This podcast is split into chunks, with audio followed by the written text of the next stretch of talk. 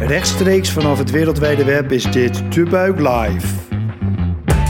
Goed dat je luistert naar De Buik Live, de podcast van De Buik over trends in de wereld van food, drinks en hospitality.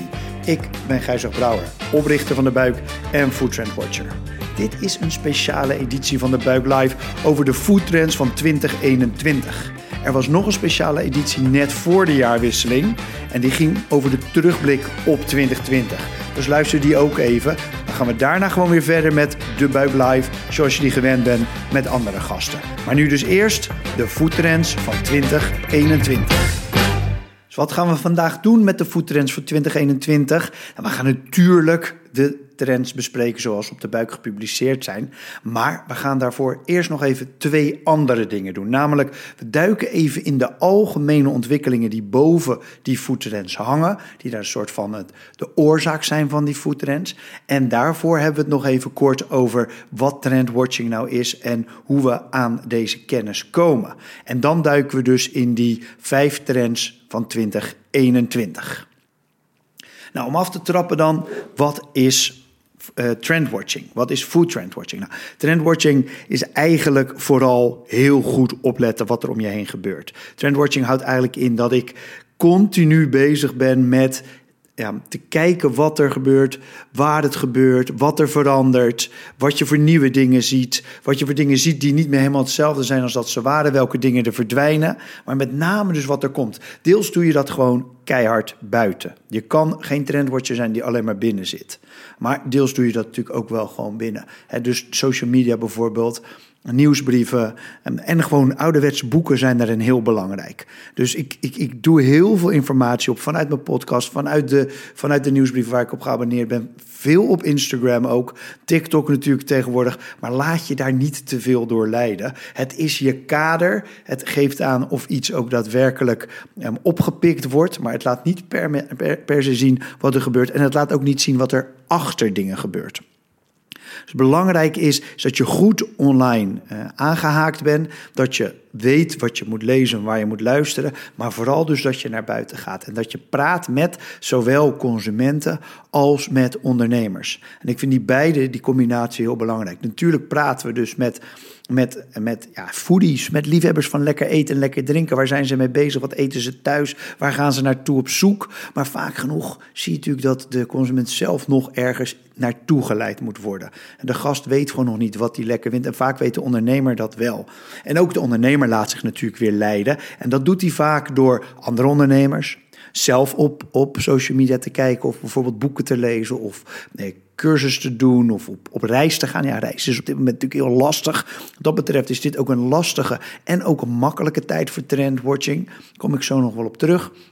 Reizen is daarin belangrijk. Uit eten gaan zelf is belangrijk. Op straat lopen, met mensen praten, met heel veel mensen praten. En dat doe ik dus enerzijds met ondernemers en anderzijds dus met partijen die leveren aan de ondernemers. Dus veel vanuit de wereld van wat dan foodservice heet. Ik praat met heel veel mensen die dus in de foodservice een rol hebben, ofwel in klantcontact, ofwel juist ook op het gebied van strategie en trendontwikkeling. Klinkt misschien in het geheel een beetje saai, maar in praktijk komt het erop neer dat ik dus gewoon heel veel eet, heel veel praat en heel veel kijk. En ik denk dat mijn mindset daar gewoon op ingesteld is om daar vervolgens dan wat mee te doen. Dus die input is slag 1, dan is het vervolgens verwerken. Nou, daar heb ik een aantal um, aanpakken voor, een aantal modellen voor, manieren om daarmee om te gaan. Uh, ja, dat is natuurlijk ook een beetje het geheim van de smid, maar daar, daar, daar gaat een stukje intuïtie in mee, maar ook gewoon een stuk gestructureerd mee aan de slag gaan.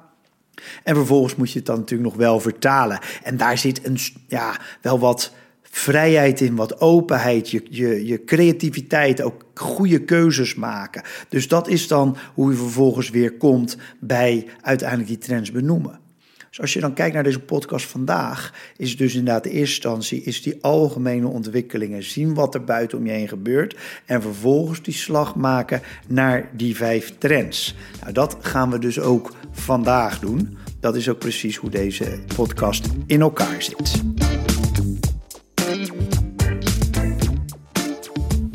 Voor we dus overstappen op die vijf foodtrends, eerst de algemene ontwikkeling. Een soort van grote bovenliggende um, strepen die al jarenlang aan um, doorgaan, die telkens ja, de, de, de trends van het jaar of van de jaren eigenlijk vormgeven en vasthouden. En ja, we kunnen eigenlijk natuurlijk de afgelopen jaar niet om corona heen. Maar ook voor corona zagen we eigenlijk al een hele serie ontwikkelingen die precies eender waren, die nu tijdens corona alleen maar versneld worden.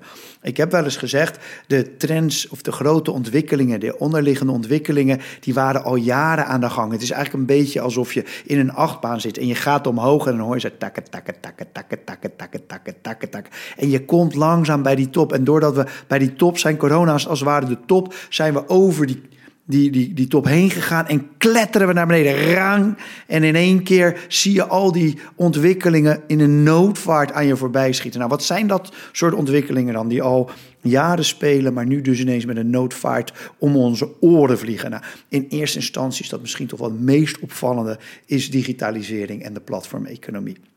Dus dat heeft eigenlijk alles te maken met nou ja, waar je bestelt, hoe je bestelt, um, hoe je communiceert met mensen, hoe je je, je, je zaak bijhoudt, hoe je personeel um, inplant. Allemaal dat soort dingen zijn op dit moment aan het digitaliseren of gedigitaliseerd te worden. Maar het belangrijkste misschien wel in dit geheel is de interface tussen de gast en, en, en, de ondernemer. En ook wel aan de achterkant tussen de foodservice en de ondernemers. Dus die hele keten, eigenlijk dat hele netwerk, is aan het digitaliseren of is al gedigitaliseerd. En daar zag je dus dit jaar een enorme ploffing mee komen door corona. Zag je dus ineens dat iedereen een nieuwsbrief moest hebben. Iedereen op social media was. Iedereen voor het eerst filmpjes maakte van hoe het in de keuken eruit zag. Iedereen um, via WhatsApp bestellingen aannam. Mensen um, op de delivery platforms natuurlijk gingen. op de third-party delivery platforms, de 3PD, zoals dat dan mooi heet. Dus denk aan Uber Eats of aan Thuisbezorgd of Deliveroo. Dus je ziet ineens, alles is gedigitaliseerd. Dat moet ook omdat de consument dat verwacht. Die wil immers overal en altijd contact kunnen hebben met zijn favoriete organisaties, zijn favoriete bedrijven en zijn favoriete merken. Dat betekent dus ook dat we zien dat op veel meer plekken gegeten en gedronken wordt. En een belangrijk ding, deel daarvoor is natuurlijk ook dat uh, afgelopen jaar en ook voorlopig nog wel even zo, een deel van de zaken dicht is. Dus dat je niet eens in een zaak kan eten. Je moet wel ergens anders heen. Nou, dan zie je ook dat meer naar buiten gaat. Dat sluit er eigenlijk direct bij aan. Daar komen we zeker nog wel op terug. We zien dat over het algemeen de horeca geprofessionaliseerd wordt. De romantiek gaat er een beetje van af. Er gebeurt veel meer op professioneel niveau. En deels wordt dat vanuit onder in de markt, zeg maar vanuit de fast service, vanuit de QSR wordt dat omhoog geduwd. Dus zien we dat steeds meer fast casual en steeds meer ketens zich eigenlijk gaan gedragen alsof ze fast food doen, maar dan op de, niet met betere kwaliteit en met toffere concepten. En anderzijds zien we dat bovenin, waar zeg maar de eerste, het, allermooiste, het allerhipste alleen maar aan, aan twee, drie die sterren restaurants weggelegd was, dat dat eigenlijk ook een beetje naar beneden zakt. En dat die aanpak, dat leren van elkaar ook gewoon over de hele breedte gebeurt. Dus we zien dat de boel professionaliseert. We zien dat dat ook betekent dat er meer opgelet wordt wat er nou daadwerkelijk geleverd wordt. Hé, wat bedoel je? Nou, de afkomst, de transparantie. Waar komt iets vandaan? Wat is de heritage? Wat is de provenance, zoals de Engelsen zeggen? Komt het uit de buurt? Als het niet uit de buurt komt, kunnen we dan vinden waar het vandaan komt? Dat is heel belangrijk. Transparantie, zowel qua producten als qua diensten. Dus we willen zien, we willen de merken kennen, we willen de afkomst kennen. We willen letterlijk kunnen zien ook in een, in een restaurant of wat er in de keuken gebeurt.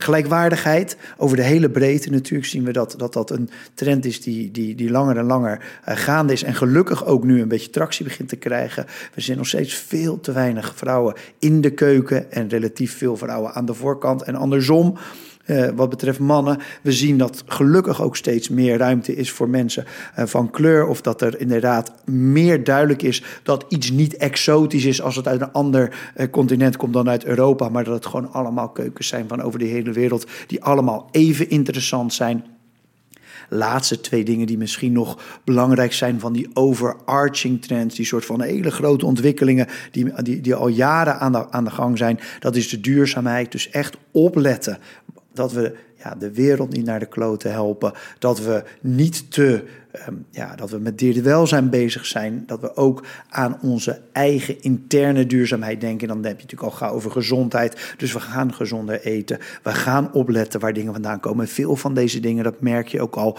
die haken bij elkaar in. Dus je ziet dus, even samenpakkend, digitalisering overal en altijd, professionalisering, afkomst en transparantie, gelijkwaardigheid, duurzaamheid en gezondheid. Dat zijn de overkoepelende ontwikkelingen waar we ons nu middenin bevinden. Je merkt aan die grote ontwikkelingen dat ze ook wel heel sterk dat corona-element in zich hebben. En daardoor klinken veel van die trends die je de laatste tijd, ook zeker in deze periode om je heen hoort, en ook wel uit mijn mond hoort, klinken vaak heel erg corona gedreven. Maar dat is niet iets wat wij willen doen met de buik. We hebben al voor het achtste jaar op rij hebben we de foodtrends plaatsen op de buik. Die schrijf ik over het algemeen helemaal zelf, eh, zoals aangegeven aan het begin van deze podcast. En ook deze keer weer hebben we vijf trends gepakt, maar die kijken we wel door de pandemie heen. Dus enerzijds zijn ze geschikt voor deze periode, anderzijds staan ze er misschien wel helemaal los van, omdat ze al ook een jaar eerder of twee jaar eerder misschien al aan het, aan, aan het aankomen waren, langzaam maar zeker aan het opkrabbelen waren en dan nu pas echt groot worden. Dus het zijn vijf voettrends en ik noem ze even en dan lopen we ze daarna allemaal af. Buiten is het nieuwe binnen, dat is de eerste. De zwammen komen is de tweede. Van merk naar plek is de derde. Abonnement op je eten is de vierde. En nog een keer gebruiken is de vijfde.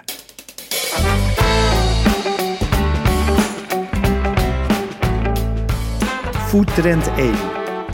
Buiten is het nieuwe binnen. De pergola, het afgifteluik, de bank tegen de zaak aan, het overdekte terras, het niet overdekte terras, het overterras, de autovrije straat, het gemeenschappelijke plein, het dak, de binnenplaats, de gevel die compleet opengezet kan worden, de tuin, de parkeervak op straat, permanente festivallocaties, drive-thrus. Bijna elke zaak heeft afgelopen jaar letterlijk en figuurlijk zijn deuren opengeslagen. Nu is het buitenrestaurant of de buitenbar een fijn coronaproof alternatief, maar de verterrassisering van de horeca is al even gaande. De opwarming van de aarde, de behoefte aan meer ruimte voor de ondernemer en gast, de consumentenwens om buiten te staan of te zitten, de verbeterde technologische mogelijkheden, het succes van buitenfestivals. Eigenlijk zat het terras al in het oog van de orkaan en corona heeft die ontwikkeling in de hoogste versnelling gezet. 2021 gaat het jaar van de buitenhoreca worden. De zomer van 2020 gaf ons vast een voorproefje. Maar komend jaar, niet alleen in de zomer, maar de, het hele jaar door, gaan we veel professionelere buitenruimtes zien. Mooie concepten, speciaal ingericht voor buiten. Terrassen met slimme alfresco menus en een sfeer die perfect past bij de zaak binnen semi-permanente constructies die soms zo stevig zijn dat je kan stellen dat buiten letterlijk het nieuwe binnen is geworden. Er zijn voorbeelden te over. Denk maar aan Containerbar op Noordplein, de Terrassenzee op Dailyplein, Botenero's en Pergola, de openslaande pui van Otsquola of de buitenbar van de Maaskantine.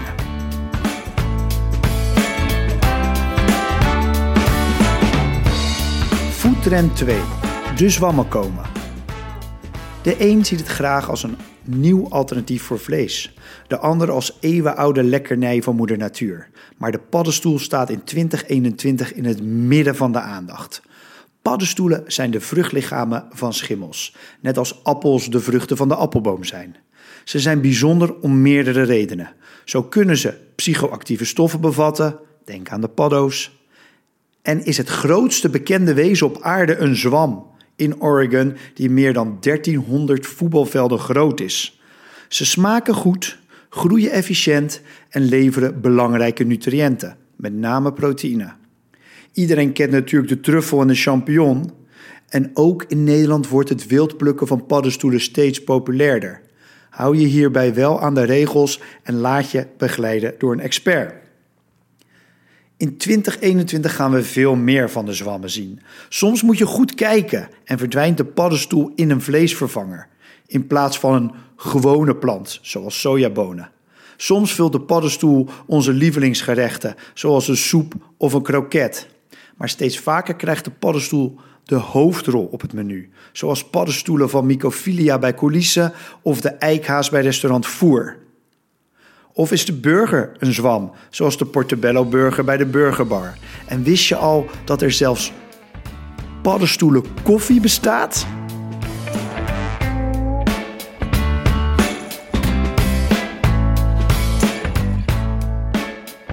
Food Trend 3. Van plek naar merk. Wat is een horecazaak? Zijn het de vier muren van het etablissement waar je graag komt? Is het de combinatie van lekker eten en drinken, gastvrijheid en sfeer? Is het een concept dat precies bij jou past? Bij dat laatste gaan bij veel horecaondernemers en gasten de haren overeind staan. Volgens hen is de zaak geen concept, laat staan een merk, maar gewoon een plek waar het fijn aan de bar hangen is of waar je een goede biefstuk krijgt. Maar alle romantiek ten spijt, horecazaken zijn commerciële bedrijven in een snel veranderende wereld, waarin technologie een steeds belangrijkere rol speelt, waarin consumenten steeds hogere eisen stellen aan wat er op het menu staat en welk verhaal er achter de onderneming zit. De verbinding van gast aan de zaak loopt al lang niet meer via de toog, maar via een weerwaar van kanalen, via Instagram, thuisbezorgd, WhatsApp, de eigen olijfolie, de saus in de webshop, merchandise, eigen kookboeken, recepten en zichtbaarheid in de media. De coronacrisis heeft de ondernemers en de gasten bewust gemaakt van de onmisbaarheid van horeca, maar ook van hun kwetsbaarheid. In 2021 gaan we onze favoriete horeca steeds meer als merk op andere plekken zien. De dinnerboxen van Ron Blauw in de supermarkt. De samenwerking van Rijks en Daalder met hun bezorging, Rijksdaalder. De pizza's van Europizza bij de Hotel Goudfazant. We gaan zelfs merken zien zonder zaak, met alleen maar een keuken, zoals Las Vegan bij Bright Kitchen of de Japanse sandwiches van Hanyi. Beide alleen online te verkrijgen via de bezorgplatforms op hun eigen site.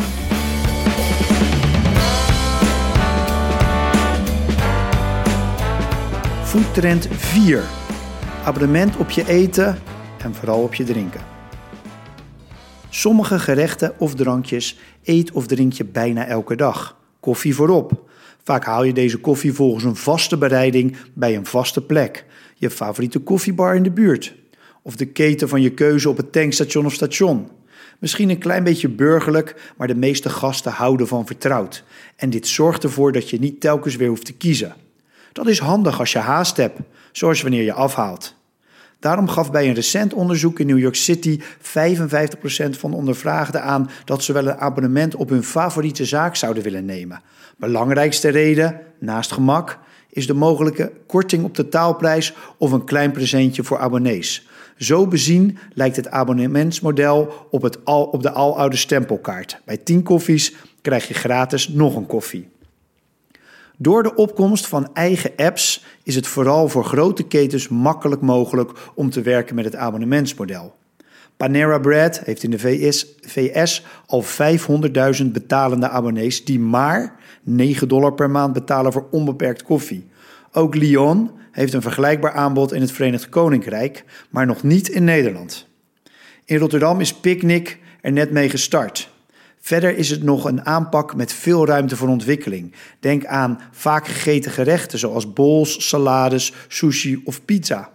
Een abonnement voor thuis zie je wel al vaker. Zo heeft Boy Kaasmakers een kaasabonnement en bestaan er maandelijkse boxen met bier, wijn en wederom koffie. En ideaal gesproken zou je misschien uit en thuis combineren.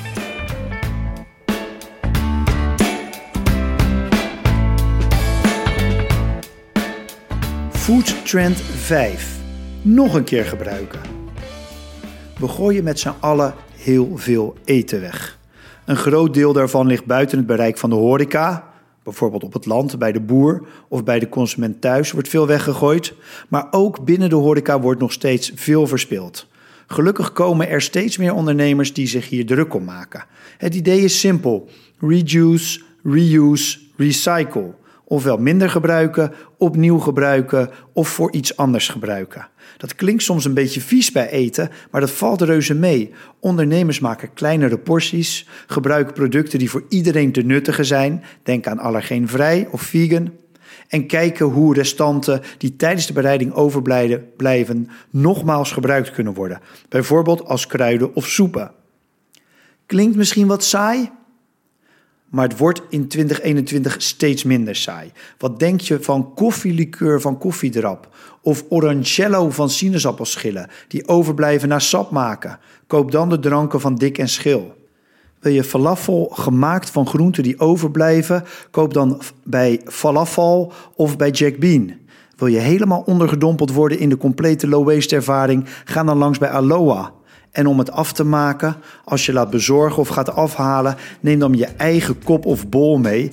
Of maak gebruik van Packback, de Rotterdamse app voor herbruikbare verpakkingen.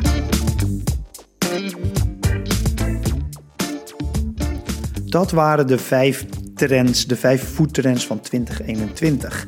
Met daarvoor nog die algemene overkoepelende ontwikkelingen die zoveel sneller zijn gegaan tijdens corona en nog steeds aan het versnellen zijn.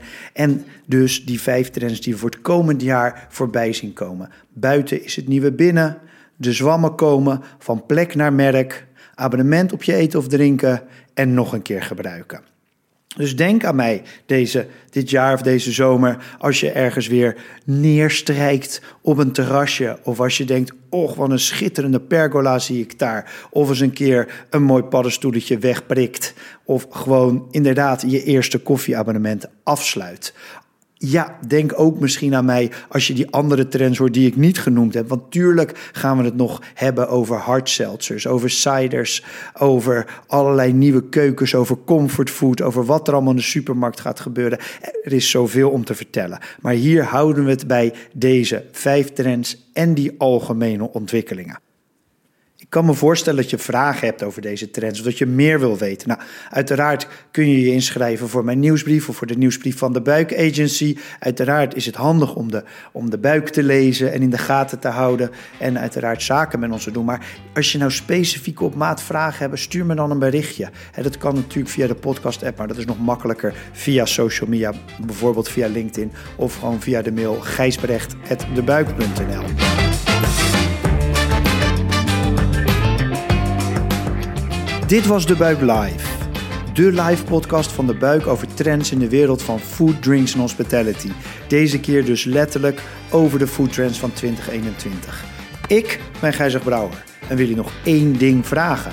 Als je het een leuke podcast vond, wil je hem dan doorsturen naar iemand anders of liken in je podcast app? Dat kun je nu direct doen terwijl je nog luistert. Dan help je andere liefhebbers van food, drinks en hospitality deze podcast makkelijker te vinden. Heb jij nog onderwerpen waar we het over moeten hebben? Laat het ons weten in de comments of stuur me een berichtje. Dank voor het luisteren en tot de volgende aflevering. Cheers!